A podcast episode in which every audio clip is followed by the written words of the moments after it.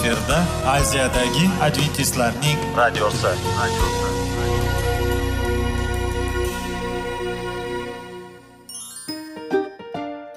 Assalomu alaykum aziz radio tinglovchilar. Sog'liq daqiqasi rubrikasiga xush kelibsiz. Zero tananing sog'lom bo'lishi va uning kasalliklardan saqlash har bir insonning burchi hisoblanadi. Inson uchun bebaho boylik bu sog'liq salomatlikdir. Uni asrash esa har birimizga omonat qilib berilgan. Shuning uchun ham inson o'z sog'lig'ini ehtiyot qilishi voajib amallardan hisoblanadi. Dono xalqimiz sog'liq tuman boylik deb bejiz aytmagan. Aql idroq sohibi bo'lgan inson o'z hayotini qadrlashi lozim bo'ladi. Hozirgi kunda qanchalik dori darmonlar ko'paymasin tibbiy muassa sifati shifokorlar vasiyasi tibbiy texnika yaxshilanmasin. Agar insonning o'z salomatligi haqida qayg'urmasa kutilgan natijaga erishib bo'lmaydi va biz sizlarga bizning dasturimizga xush kelibsiz deymiz.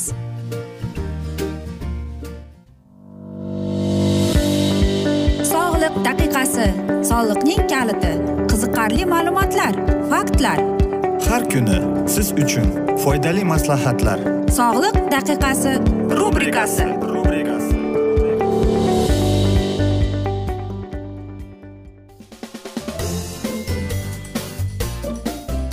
assalomu alaykum aziz radio tinglovchilar dasturimizga xush kelibsiz. Va qanday qilib sog'lom bo'lish kerak degan dasturda xushvaqt bo'ling deb aytamiz. Va bugungi bizning dasturimizning mavzusi qanday qilib to'g'ri dam olish kerak deb nomlanadi. Albatta dam olish deganda biz o'ylaymizki uyda o'tirib televizor ko'raman yoki uy ishlarim bilan shug'ullanaman deb. Aziz do'stlar qarangki siz yanglishasiz chunki olimlar aytishadiki to'g'ri dam olish bizning tanamizga bizning organizmimizga foyda keltirar ekan. Ya'ni bugun biz sizlarga o'nta mana shunday maslahat berib o'tmoqchimiz. Qarang biz dam olganimizda albatta bizning tanamiz bizning organizmimiz kuch quvvatga to'ladi. Ya'ni qanday qilib dam olishimiz kerak? Qarangki to'g'ri dam olishning ham usullari bor ekan.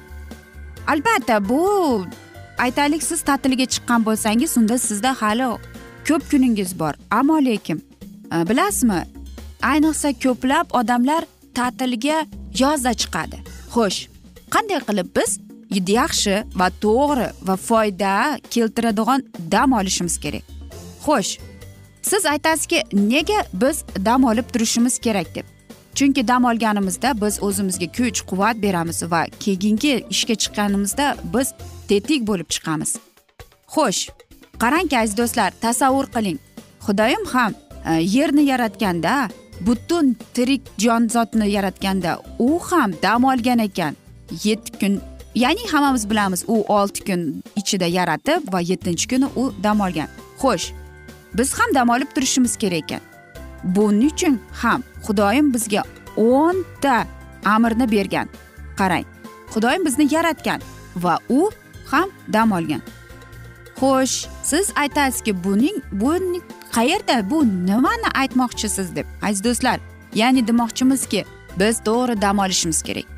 Alloh taolo ham e, bizni yaratgandan keyin u ham dam olgan ekan. Xo'sh bilasizmi ba'zi bir insonlar borki ular dam olib ham xuddi o'zini charchagandek his etadi. Xo'sh nega shunday? Bilasizmi mana shunday ibora bor dam olgandan keyin yana dam olish kerak. Xo'sh bu narsa mana shunday sababdan sodir etadiki ya'ni o'ziga kerak emas e, dam olish usulini tanlaganligi uchun. Ya'ni u noto'g'ri hordiq chiqargan ekan.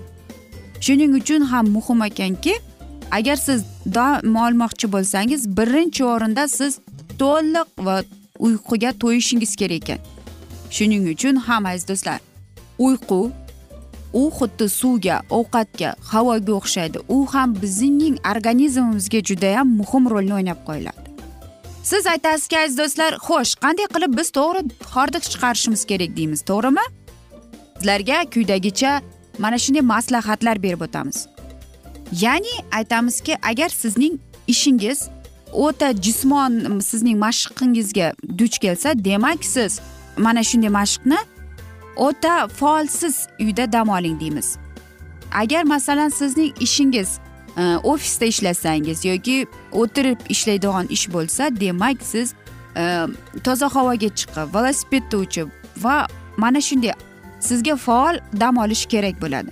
Albatta bilaman ko'pchilik odam televizorda oldida o'tirib yoki kompyuterni qarshisida o'tirib o'ynamoqchi bo'ladi. Lekin aziz do'stlar e, siz ko'proq dam ol mana shunday ishda bo'lsangiz unda faol dam olishingiz kerak.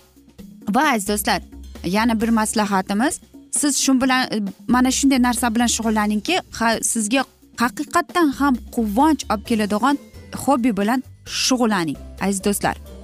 Va agar ta'tilga chiqqan bo'lsangiz hamma uy yumushlarini qilishga yaratishga harakat qilmang. Va yangi narsalarga ochiq bo'ling deymiz. Ya'ni masalan siz velosiped uchishni bilmasangiz unda o'rganing. Xo'sh aziz do'stlar biz ham dam olishni yoqtiramiz. Qanday qilib deymizmi? Bu juda ko'p lekin o'zingiz yoqtirgan narsa bilan shug'ullanishga harakat qilib ko'ring. Hech ham aziz do'stlar umid qilmang mening hordig'im Э, mukammal darajada o'tadi deb. Sizniga dam olishga xalaqit berayotgan hamma narsalarni olib tashlang. Telefon internet dokumentlar hamma narsani bir chetga surib dam oling. Aziz do'stlar siz ta'tildasiz siz ishdamasiz qarang va shuni unutmangki aziz do'stlar hordiqni ham rejalashtirish kerak ekan. Ya'ni nafaqat o'zingizga bolalaringizga turmush o'rtog'ingizga ham Э, mana shunday rejalashtiringki sizga e, foyda keltirsin sizga quvonch baxsh etsin aziz do'stlar. Qarangki bilasizmi ko'plab odamlar e, mana shunday bir ko'ngliga tinchimaydi dam olganda ham. Yo'q aziz do'stlar. Hamma narsani ham hordiq chiqaradigan bo'lsangiz hamma narsani siz oldindan rejalashtirishingiz kerak oldindan siz bilishingiz kerak qanday qilib nima qanday o'tadi. Va albatta yordamchi izlashingiz kerak. Aziz do'stlar bilasizmi hordiq deganimizda biz o'zimizni boshqacha his etamiz. Hech qachon ham agar siz e, ta'tilga chiqqan bo'lsangiz mana shu ta'tilning ichida men uy yumushlarimni bitirishim kerak. Yo'q o'zingizga ham vaqt ajrating. Siz shunday narsa bilan shug'ullaningki sizga haqiqatdan baxt keltiruvchi narsa bilan shug'ullaning aziz do'stlar. Agar shunday bo'lsa chunki unutmang ta'til tugaydi va siz ishga chiqasiz lekin siz ishga charchagan bo'lib chiqmasligingiz kerak. Shuning uchun ham aziz do'stlar to'liq uyquga to'yib jismoniy mashqlar va o'zingizning ta'tilingizni shunday rejalashtiringki siz ishga chiqqaningizda yangi va kuch quvvatga to'la inson bilan bo'lib chiqishingiz kerak. Biz esa afsus bugungi dasturimizni yakunlab qolamiz chunki vaqt birozgina chetlatilgan. Lekin sizlarda savollar tug'ilgan bo'lsa biz sizlarni salomat klub internet saytimizga taklif qilib qolamiz. Va umid qilamanki siz bizni tark etmaysiz deb chunki oldinda bundanda qiziq va foydali dasturlar kutib kelmoqda. Aziz do'stlar biz sizlarga sog'lik salomatlik tilagan holda xayrlashib qolamiz. Omon qoling deymiz.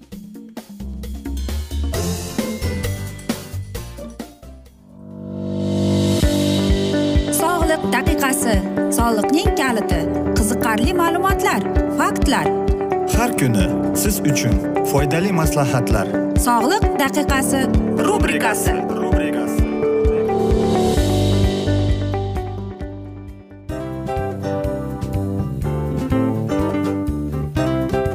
Mana ha hayotda hamma narsaning yaxshi narsalar tugaydi va yakunlaydi degandek bizning dasturimizga ham yakun keldi o'ylaymanki bizning dasturimiz sizga foydali bo'ldi deb aziz radio tinglovchimiz. Va siz o'zingiz uchun kerakli xulosalar kerakli maslahatlar olib oldingiz. Aziz radio tinglovchimiz biz bilan qoling va keyingi dasturlarimiz albatta undanda qiziqroq bo'ladi. Mana shu alfozda sizlar bilan xayrlashib qolaman.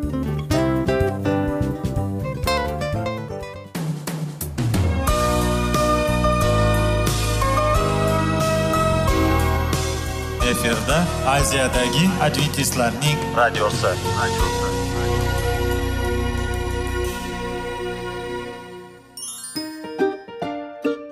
Assalomu alaykum aziz radio tinglovchilarimiz.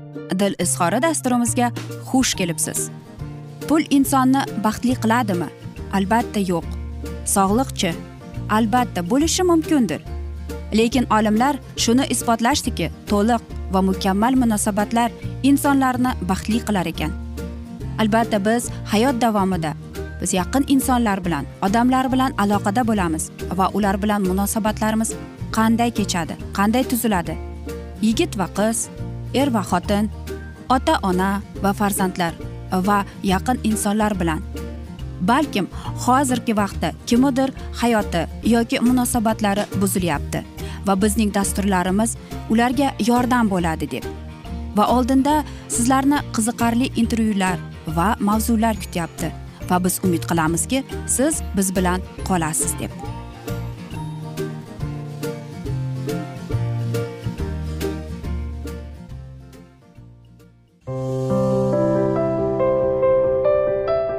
Har kuni har xil kasbdagi odamlar bilan sirlashish va bo'lishish sevgi rashq munosabat.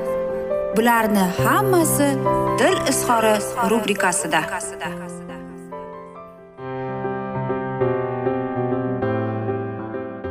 Assalomu alaykum aziz radio tinglovchilar dasturimizga xush kelibsiz. Topish va ushlab qolish degan dasturda xushvaqt bo'ling deb aytamiz. Va bugungi bizning dasturimizning mavzusi ayol kishining sevgisi uning borlig'i deb ataladi va biz sizlar bilan o'tgan galgi mavzuimizni yana davom ettiramiz. Xo'sh ayol kishi o'zining sevgisini qanday qilib ko'rsatadi? Qarangki ayol kishi o'zida har kuni har bir vaqtda u o'ylaydi mening turmush o'rtog'imga qanday qilib nima sovg'a qilsam ekan? Masalan bugun sizning oila qurganingizga qanchadir bir yil bo'ldi va yoki bugun palonchini tug'ilgan kuni qanday qilsam ekan nima qilsam ekan? deb. Va qarangki agar uning turmush o'rtog'i esidan chiqib qolgan bo'lsa uni tabriklash u xafa bo'lar ekan. Shuning uchun ham ayol kishi mana shu sabab bilan uni tinch qo'ymaydi ekan. Agar u ishdan kelib va agar erkak kishi hech narsa demasdan kelib ovqatlanib televizorni e, qarshisiga o'tirib e, o'tirib olganda ayol kishini tinch qo'ymaydi. Bugun unga har xil ma'noda so'z aytadi har xil qandaydir bir e, ko'rsatmoqchi bo'ladi. Xo'sh biz aytamizki nimaga bunday bo'lyapti deb. Yoki qarangki unga bir dalda bo'lish. Bu eng asosiy va bu eng muhim narsadir ayol uchun. Agar ayol kishi ya'ni xotini uning e, turmush o'rtog'idan unga biror narsa qilish uchun undan yordam so'rasa albatta u ayol kishi o'zi ham shu narsani qilishi mumkin. Ammo lekin agar ayol kishi sizdan bir narsani mana unga menga yordam berib qo'ygin desa va agar siz unga ha deb javob bersangiz demak u ayol kishi o'zi uchun biladiki ha demak u meni haliyam sevadi haliyam hurmat qiladi deb. Albatta ba'zida esa ayol kishi o'zining turmush o'rtog'idan qaysidir bir narsalarni kutadi. Ya'ni o'zining erkak kishi o'zini ko'rsatish kerak. Va mana shu narsa ham ayol kishi uchun eng katta va eng muhim narsa isbot bo'lar ekanki demak meni turmush o'rtog'im meni sevar ekan deb. Albatta ayol kishi ham har doim u aytmaydi nimani xohlayotganini. Nega deymizmi? Yoki erkak kishi o'z xohishini o'zini ilhomlantirib mana shu narsani qilib ketsa u ayol kishi uchun eng katta narsa va isbot bo'ladi. Ya'ni meni turmush o'rtog'im meni sevadi deb. Albatta biz aytamizki men ayol kishiman men hamma narsani mustaqilman men mana shu narsalarni qila olaman deb. Yoki masalan meni qo'limda hamma narsa keladiki. Nega? Masalan men moshinani o'zim e, mana shu e, yog'liqlik quyayotgan shaxobchaga olib boraman deb. Yo'q aziz do'stlar. Agar e, mana shu narsa bizning qo'limizdan keladi. Lekin ba'zida biz ayollar erkaklardan ham qandaydir mana shunday narsalarni mayda bo'lishi mumkin. Lekin erkak kishi mana shu narsani qilsa biz uchun bu isbot bo'ladi. Albatta. Qarangki ba'zida esa muammo shu darajada chigallashadiki. Aytaylik e, bir narsa erkak kishi o'zining yordamini taklif qildi va ayol kishi rad javobini berdi. Va mana shu joyda albatta u erkak kishi o'ylaydiki ayolim mendan xafa bo'lib qoldi deb. Xo'sh. U ayol kishi o'ylaydiki mening turmush o'rtog'im meni bilishi kerak. Men nima xohlayapman men nimani istayapman deb. Xo'sh. Nima qilishimiz kerak? Yoki ba'zida erkak kishilar bilib bilmay qandaydir bir so'zni aytadi yoki bir narsani qilib qo'yadi va ayol kishi indamaydi va undan xafa bo'ladi gohida yig'laydi ham. Xo'sh. Shuning uchun ham aziz do'stlar ayol kishi sevgiga muhtoj. Lekin ba'zida erkaklarimiz o'ylaydiki agar men ayolimga har kuni seni sevaman deb aytsam e, bu so'zlarning ma'nosi yo'qoladi deb. Ammo lekin E, bilasizmi mana shu so'zlarni chin ko'ngildan chin qalbdan aytsangiz ayolingiz sizga ishonadi. Va u uchun bu qandaydir bir ma'noni bildiradi. Agar sizning siz mana shu so'zlarni aytganingizda agar sizning turmush o'rtog'ingiz ya'ni ayolingiz bunga aytaylik chin ko'ngildan ta'sir qilib unga munosabatini yo'qotsa siz bilingki demak sizni eshitishyapti yo'q aziz do'stlar bu degani siz ayolingizga sevgi izhor qilish emas degani emas. Siz ayol kishiga sevgini aytishingiz kerak. Sevgi so'zlarini ayol kishiga eshitish kerak.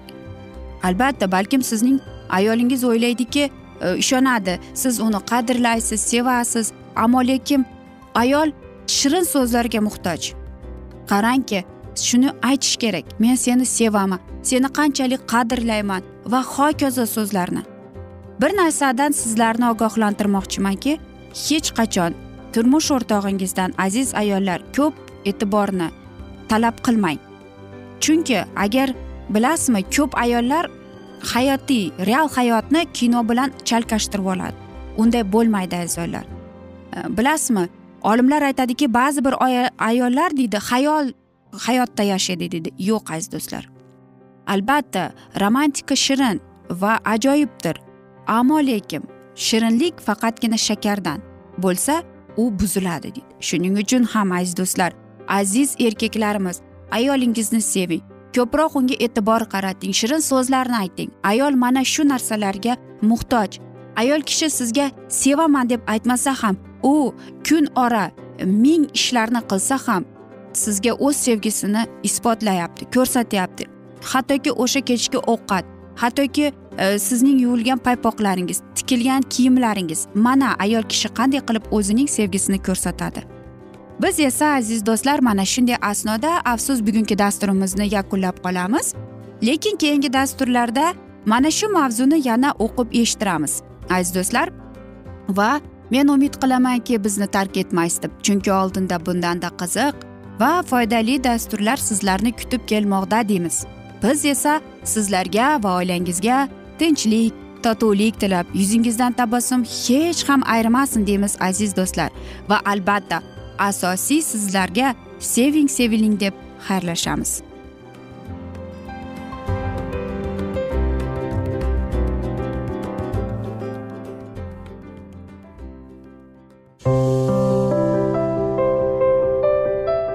Har kuni har xil kasbdagi odamlar bilan sirlashish va bo'lishish sevgi rashq munosabat.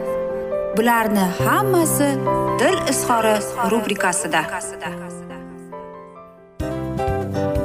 Mana aziz radio tinglovchimiz bizning go'zal va foydali va chiroyli dasturimiz yakunlanib bormoqda. Sizlarga birozgina maslahat berib o'tmoqchi edik.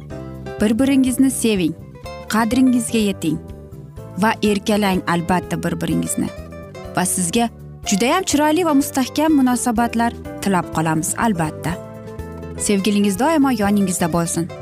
Mana shu borada sizlar bilan xayrlashib qolamiz. Xayr.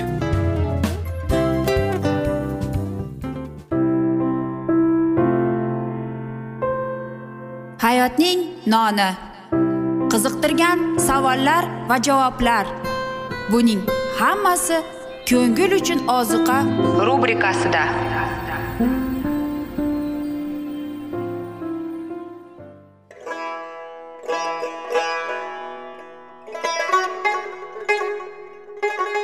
Assalomu alaykum aziz radio tinglovchilarimiz.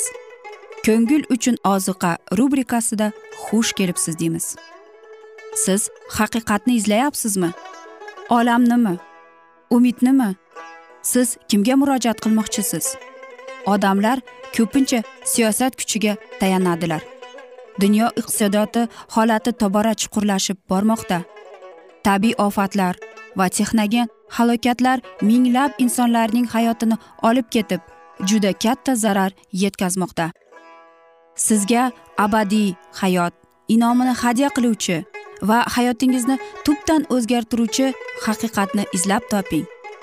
Xudo haqidagi haqiqat uning kalomida mujassamlashgan. Kimki bu haqiqatni butun qalbi bilan izlasa albatta unga yetishadi. Bu sevgi xudoning tarixidir. Hayotingizda yoki sizning yon atrofingizdagi olamda nimalar yuz berishidan qat'iy nazar? Siz ertagi kunga buyuk umid va ishonch hosil qilishingiz mumkin.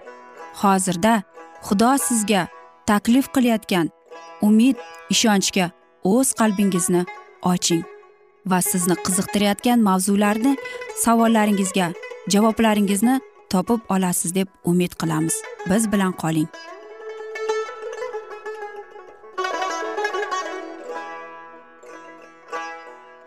Assalomu alaykum aziz radio tinglovchilar dasturimizga xush kelibsiz.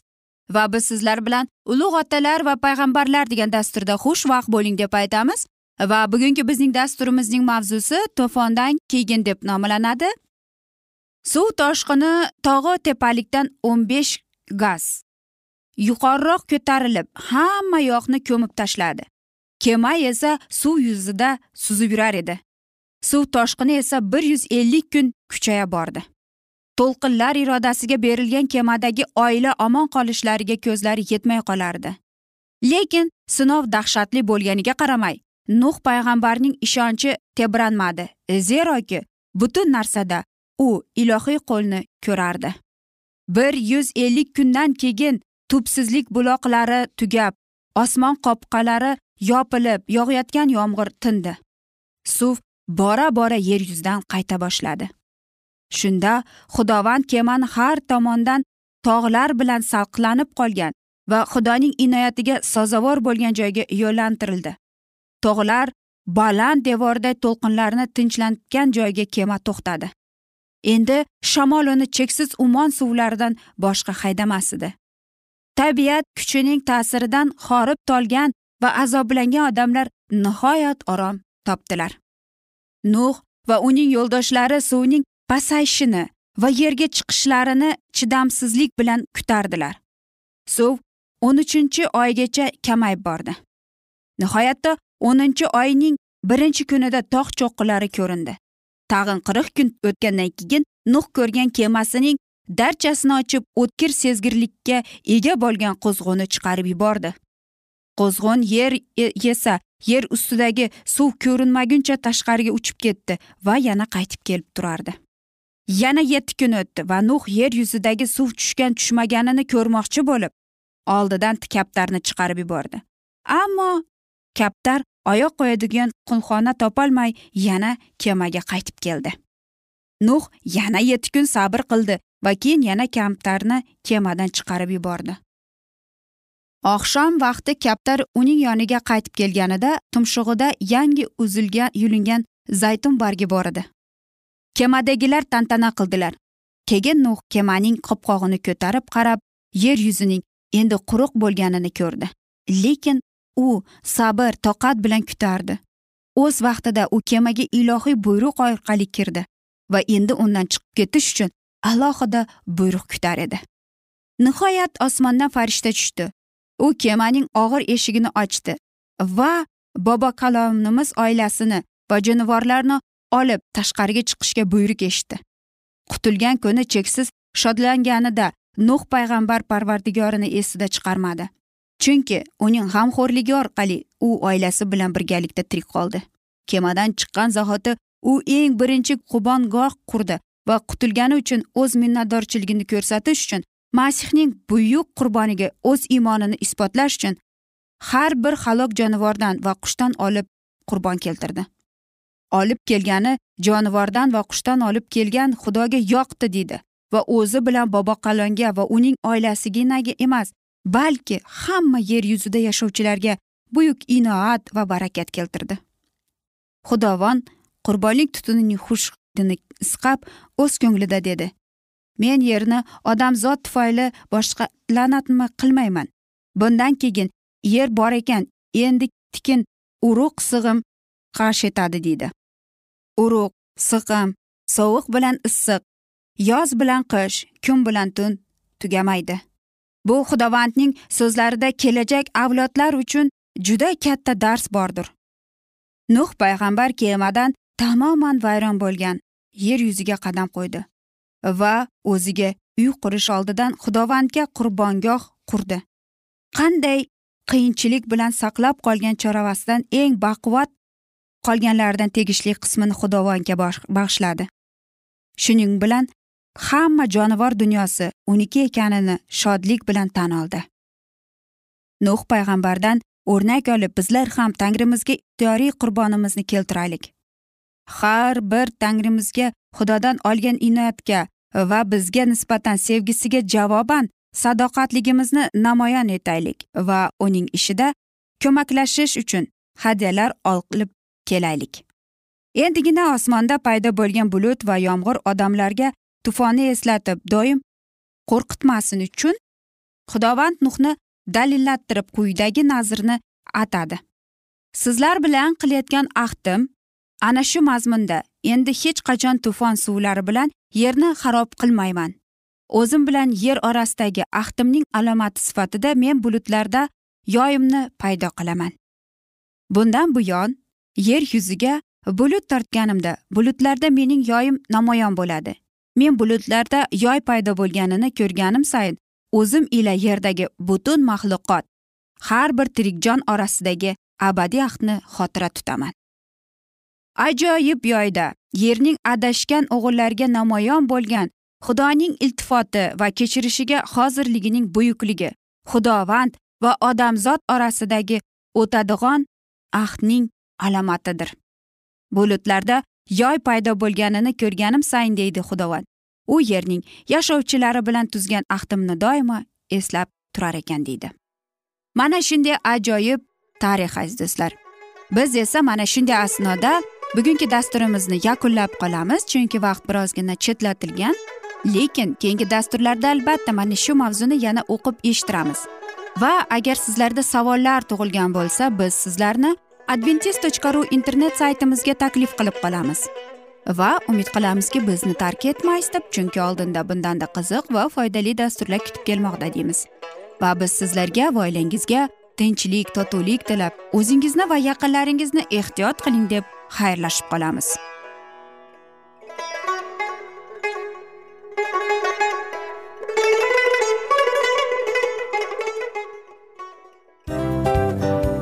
Mana aziz radio tinglovchimiz hamma yaxshi narsaning yakuni bo'ladi degandek bizning ham dasturlarimiz yakunlanib qolmoqda. Aziz do'stlar o'ylaymanki bizning dasturlarimiz sizlar uchun judayam foydali bo'ldi deb bizning dasturlarimizdan siz o'zingizga foydali va judayam kerakli maslahatlar oldingiz deb. Masalan sog'liq borasida. Biz sizlarga sog'liq tilaymiz albatta lekin bizning maslahatlarimizga ham amal qilishga unutmang. Munosabatlarga kelganda bu munosabatlar chuqur va yaxshi bo'lishi uchun uni ustidan ishlash kerak albatta. Diniy masalaga kelsak aziz do'stlar bu judayam jiddiy va chuqur nazarni talab qiladi. Ammo biz sizlar bilan xayrlashib qolmaymiz. Keyingi dasturlarda eshittirishimizni davom ettiramiz va sizlar bilan mana shu yaxshi kayfiyatda xayrlashib qolamiz. Va keyingi dasturlarda ko'rishguncha xayr.